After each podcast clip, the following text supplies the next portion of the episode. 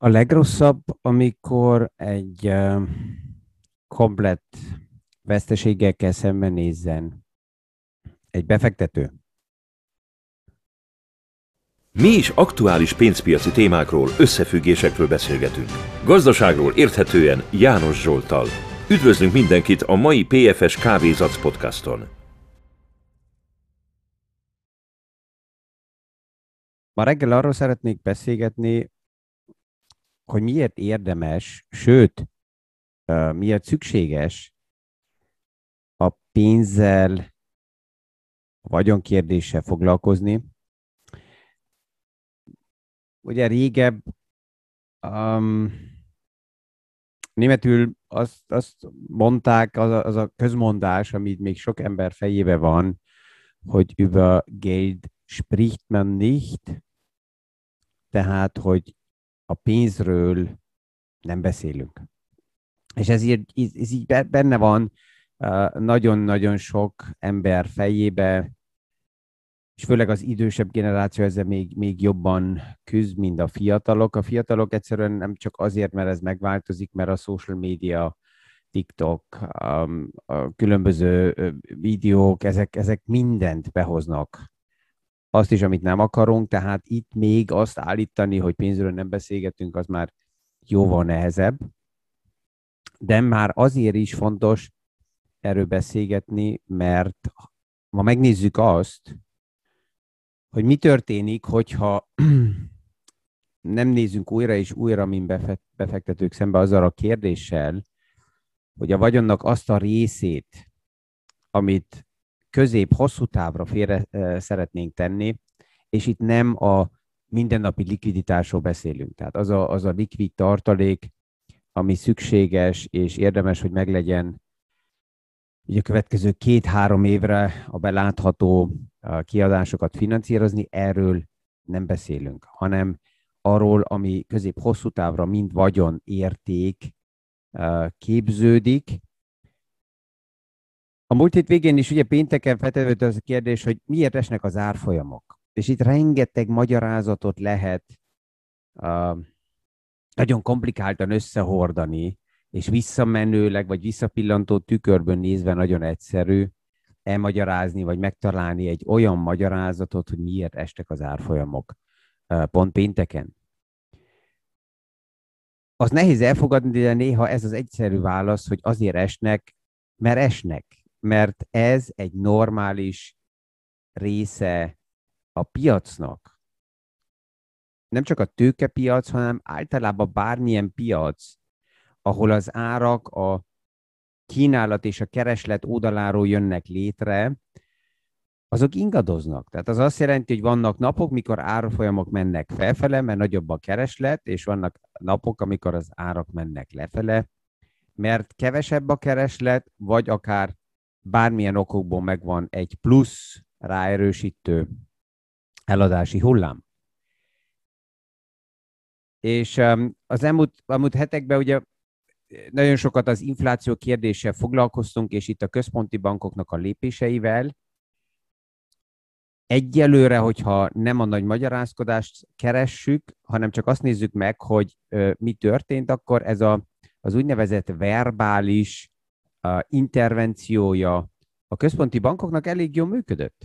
Ez 2011 óta az Európai Központi Bank többször már bemutatta, és ez Dráginek volt az első ilyen erős lépése, hogy csak egy mondattal, csak egy kijelentéssel képes volt a piacokat azután irányítani, anélkül, hogy bármilyen komoly lépés meg kellett volna tegyen.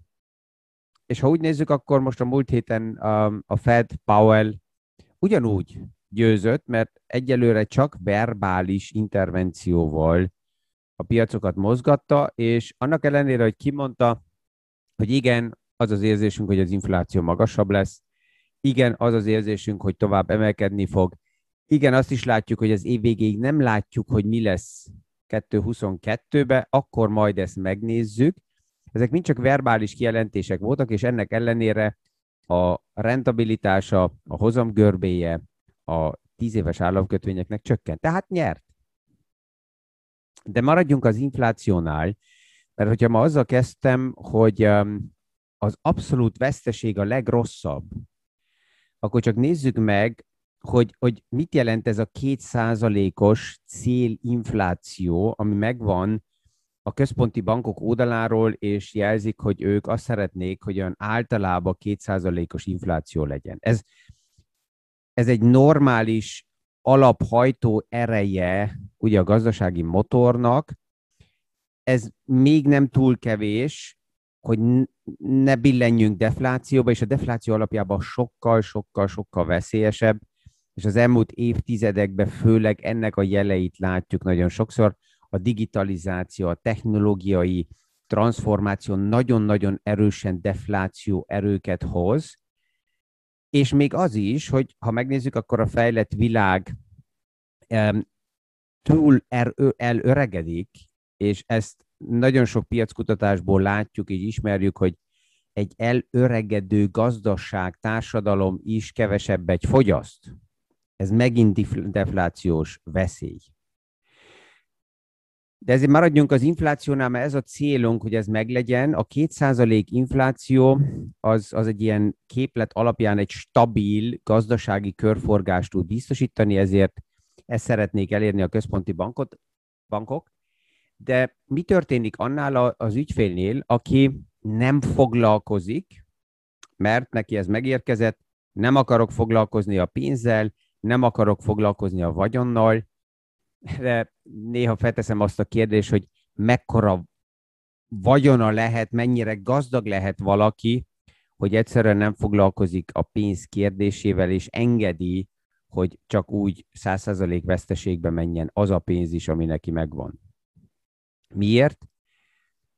Ha 10 ezer eurót veszünk, és megnézzük, hogy 2% inflációnál mi történik a vásárló értékével ennek a 10 ezer eurónak, és azt mondtam, hogy ez nem a mindennapi likviditásról beszélünk, a mindennapi likviditást azt a, a fogyasztó, um, a fogyasztókat érintő infláció, tehát a Verbraucherpreis Index, ez a, a fogyasztó árak indexe, a fogyasztási árak indexe, az a rövid likviditást érinti. A közép-hosszú távú infláció az a vagyonértékek inflációja, és az sokkal fontosabb. De egyszer maradjunk még a fogyasztó um, árak infláció értékénél, az indexénél, a két százaléknál. Ez azt jelenti, hogy 10 ezer euró 20 év után 6646 euró vásárló értéket jelent. Tehát az, aki azt mondja, hogy oké, okay, megtörtént, hogy pénz megmaradt, mert mindent nem sikerült elköltsek, ezt hagyom valahol, um, aktuálisan bárhol uh, um, egy, egy, egy egyszerű számlán, rosszabb esetben a múltat megnézve kiveszem a rendszerből, és cashbe tartom otthon a klasszikus párna alatt az amerikai infláció pillanatnyilag, a fogyasztók infláció a dollár értékben az 4 százalék. És ez a 4 százalékos infláció, ez jönni fog az eurozónába is. Erről már többször beszélgettünk, hogy ez A érdeke azoknak, akik nagyon el vannak adósodva. A másik oldalról pedig a központi bankok ezt már kijelentették, hogy ők a 2%-os inflációt nem csak évről évre nézik, most már egy jó ideje, hanem hosszabb átlagot figyelnek, tehát egy tíz éves átlag, hogyha eddig messze 2% alatt voltunk, és most ugrik az infláció magasabbra, akkor még a 2%-os átlagot nem haladtuk meg, azonnal nem kell lépni. Tehát, hogyha megnézzük, hogy az aktuális dollár infláció 4%-nál mit jelent, az azt jelenti, hogy ebből a 10 ezer euróból 20 év alatt 4400 euró vásárló érték jelenik meg, vagy marad meg. Persze a döntő kérdés mindig az, hogy 20 év múlva mit szeretnénk kezdeni azzal a pénzzel. Élelmiszert, um, benzin, dízelt, hogyha még szükséges lesz, um, telefonokat, tehát minden napi élethez szükséges eszközöket szeretnénk vásárolni, vagy akár stratégiai befektetéseket szeretnénk. Tehát azok, akik azt mondják, hogy oké, okay, most nem foglalkozom én a pénz kérdésével, majd később. Most gyűjtök még, cash pozíciót, és majd később esetleg megnézem. Tehát, hogy 20 év múlva stratégia befektetésbe szeretnék belemenni, ingatlant venni, esetleg részvényeket venni, befektetni, aranyat venni, bármit, tárgyértékeket. Tehát ez a fő kérdés, hogy azt a pénzt, amit félretettem, azzal mit fogok kezdeni.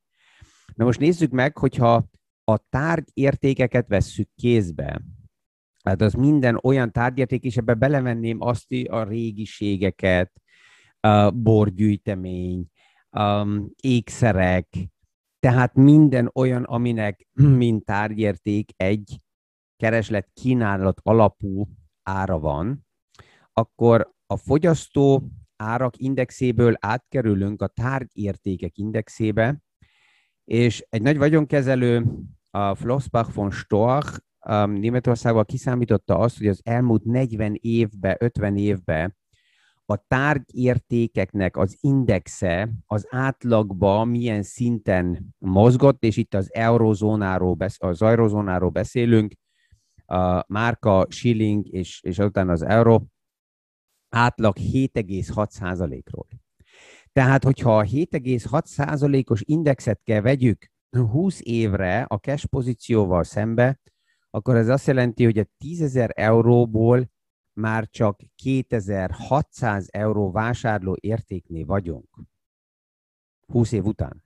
Amit ugye az előbb is megnéztük, tehát mindig ez a kérdés, hogy a pénzzel mit kezdek, akkor majd, és az a befektetés, amit e- akár most is kézbe vehetek, az majd addig hova fog kerülni, és mi történik a, a, az, az általában így a, az alternatív lehetőségekkel. Tehát, hogyha tárgyértékeket, egy összkosarat veszünk, és ednek egy, egy keverékét, akkor 7,6%-kal kell itt a vásárló érték csökkenését számítsuk. Hogyha ezt megnézzük, akkor az elmúlt 20-25-30 évre nézve részvények, nagy blue chip cégeknek a fejlődései jóval magasabbak voltak, mint a 7,6 százalék. És ugye az átlag az mindig azt jelenti, hogy nagyon nagy végleget, véglegek között mozgok, mert az egyik oldalán nagyon erősen tudnak emelkedni az árak, a másik oldalán nagyon erősen tudnak csökkenni. Tehát egy átlag az, az nem közelíti meg az életünket. Például egy olyan piaci elemzés is felmerült, egy amerikai um, ingatlan indexet vizsgáló um, uh, egyetemi professzor uh, megnézte, hogy kisvárosokban az ingatlan indexe mit történik közép-hosszú távra nézve, és nagyvárosokban mi történik.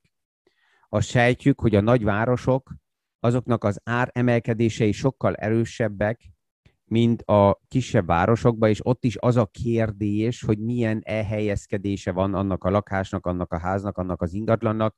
Tehát egy, egy ingatlan, amelyik például egy ilyen kellemes hegyi tavacskán van, és szép kilátással, ott is az árindex másképp néz ki, mint hogyha valahol egy kisebb faluba egy általános ingatlat veszek kézbe. De itt is megint csak átlagértékeket tudunk venni, ha megnézzük az amerikai piac, azért is érdekes, mert ugye ott az ingatlanok sokkal aktívabban forognak, mint Európában. Tehát ott a mentalitás sokkal erősebb, hogy egy ingatlan három-öt évre, tíz évre esetleg maximum meg van véve, aztán eladva egy következő, sokkal gyorsabban átkötöznek egyik regióból a másikba is az emberek, ezért az ingatlanpiacnak a forgása sokkal nagyobb hogy olyan ingatlan piac, amelyik nem forog, azt nem lehet komolyan venni, mert ott az árak képzése az nem likviditásra épül fel, hanem nagyon sokszor az egy beképzelt ár. Tehát én mi mondhatom, hogy mennyit ér a házam,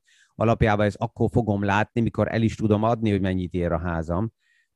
Addig bebeszélhetem magamnak, hogy akkor a, bizonyos értéke az értéke, vagy bizonyos ár az értéke.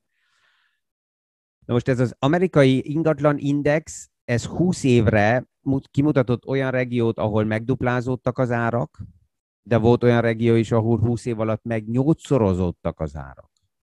De vegyük az átlagot, az 14 százalék.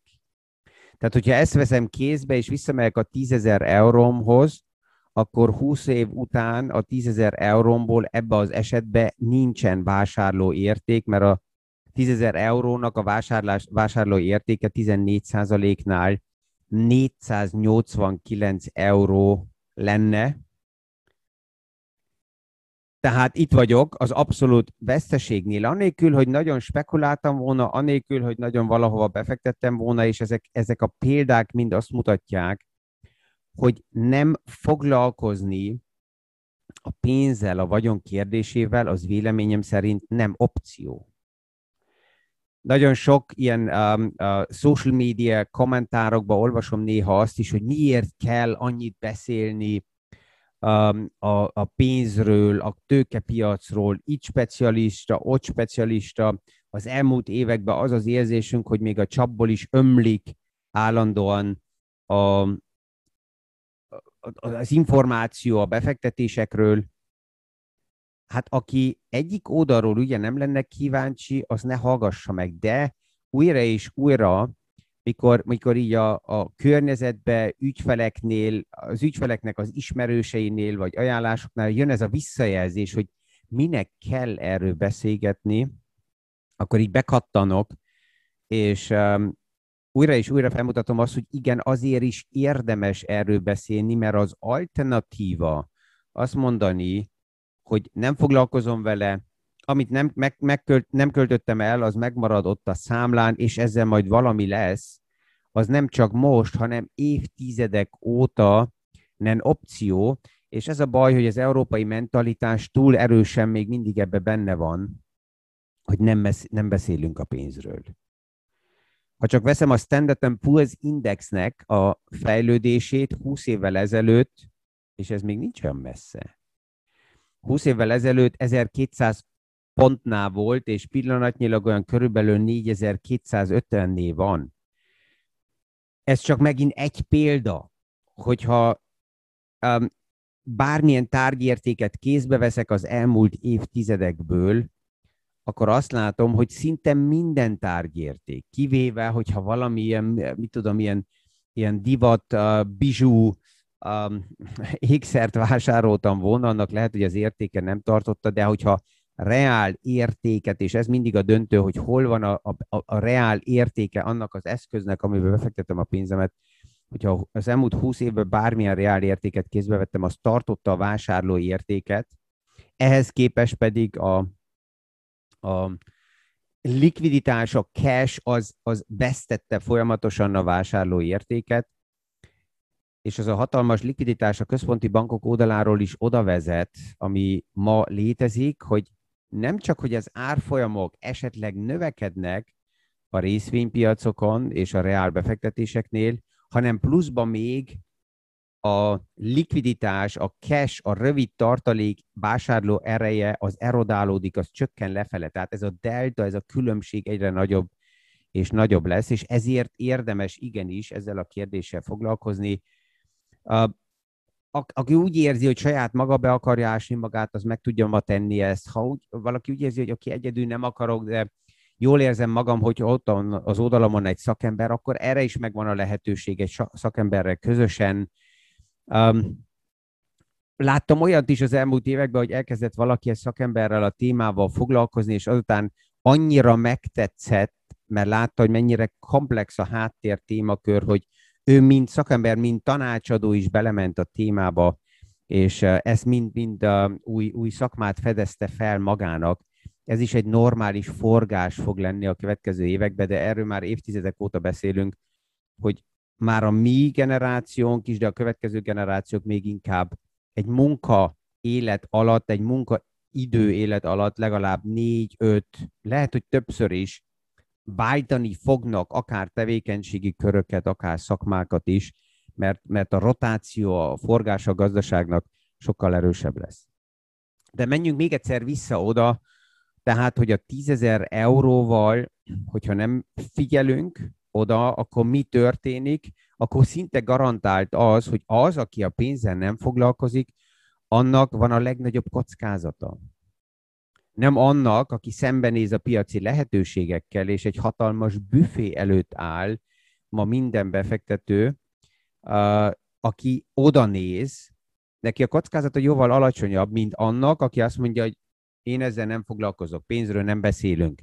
és hagyok mindent, ennek a százszázalékos, a komplet vesztesége szinte be van programozva, hogyha megnézzük ugye a különböző indexel összehasonlítva, és hogy szomorú ez a hozzáállás, ezt abból is látjuk, a múlt héten beszéltünk arról, hogy egy jó hír az, hogy például az európai um, befektetés, befektetési uh, eszközök, ami rendelkezésünkre áll, ezek főleg a technológiai szektorban nagyon növekedtek.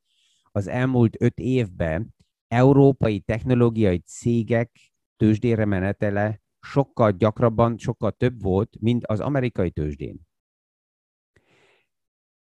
Az összeg is, ami összejött európai cégek finanszírozására, a sokkal nagyobb volt az elmúlt tíz évben, mint az amerikai cégeknél.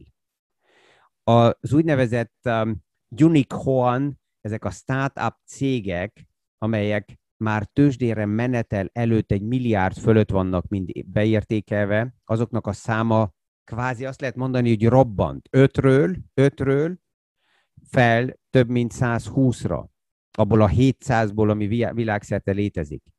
A szomorú ebbe a témába csak az, hogy pont ezzel a mentalitással, hogy nem foglalkozunk Európába a pénzzel, nem foglalkozunk azzal a kérdéssel, hogy mit tehetek a vagyonommal, ezzel oda kerülünk, hogy ezekbe a nagy cégekbe, főleg amerikai és kínai befektetők investáltak. Ami azt is jelenti, hogy a szakmai know-how, az a mentális erő, az a know-how, ami Európában létezik, az nem a mi vagyonunkban van, nem a mi befektetett eszközünk, hanem ezt kvázi intelligensebb, globális befektetők vásárolják meg. És ezért újra és újra és újra arról kell beszélgessek, hogy igen, érdemes a pénzről beszélgetni. Vagy egyedül, vagy olyan emberekkel, akivel ezt érdemes. Erre hívok meg mindenkit újra és újra a podcastok után, hogyha tetszett a gondolat, akkor nyugodtan meg lehet osztani, tovább lehet adni. Lehet, hogy ez indít el egy kellemes péntek-szombat esti vitát, akár egy érdekes foci meccs után. Erre is lehet használni a podcastokat, vagy néha unalmas foci meccsek helyett. És várom a visszajelzéseket, a kérdéseket is, a megjegyzéseket, a gondolatokat, mert ezekre épülünk, és itt mi biztos, hogy a pénzről tovább fogunk beszélgetni. Ezzel kellemes napot, és a viszonhallásra a hónap reggeli kávézatsz podcastig. Mi is aktuális pénzpiaci témákról, összefüggésekről beszélgetünk. Gazdaságról érthetően János Zsoltal. Üdvözlünk mindenkit a mai PFS Kávézac podcaston!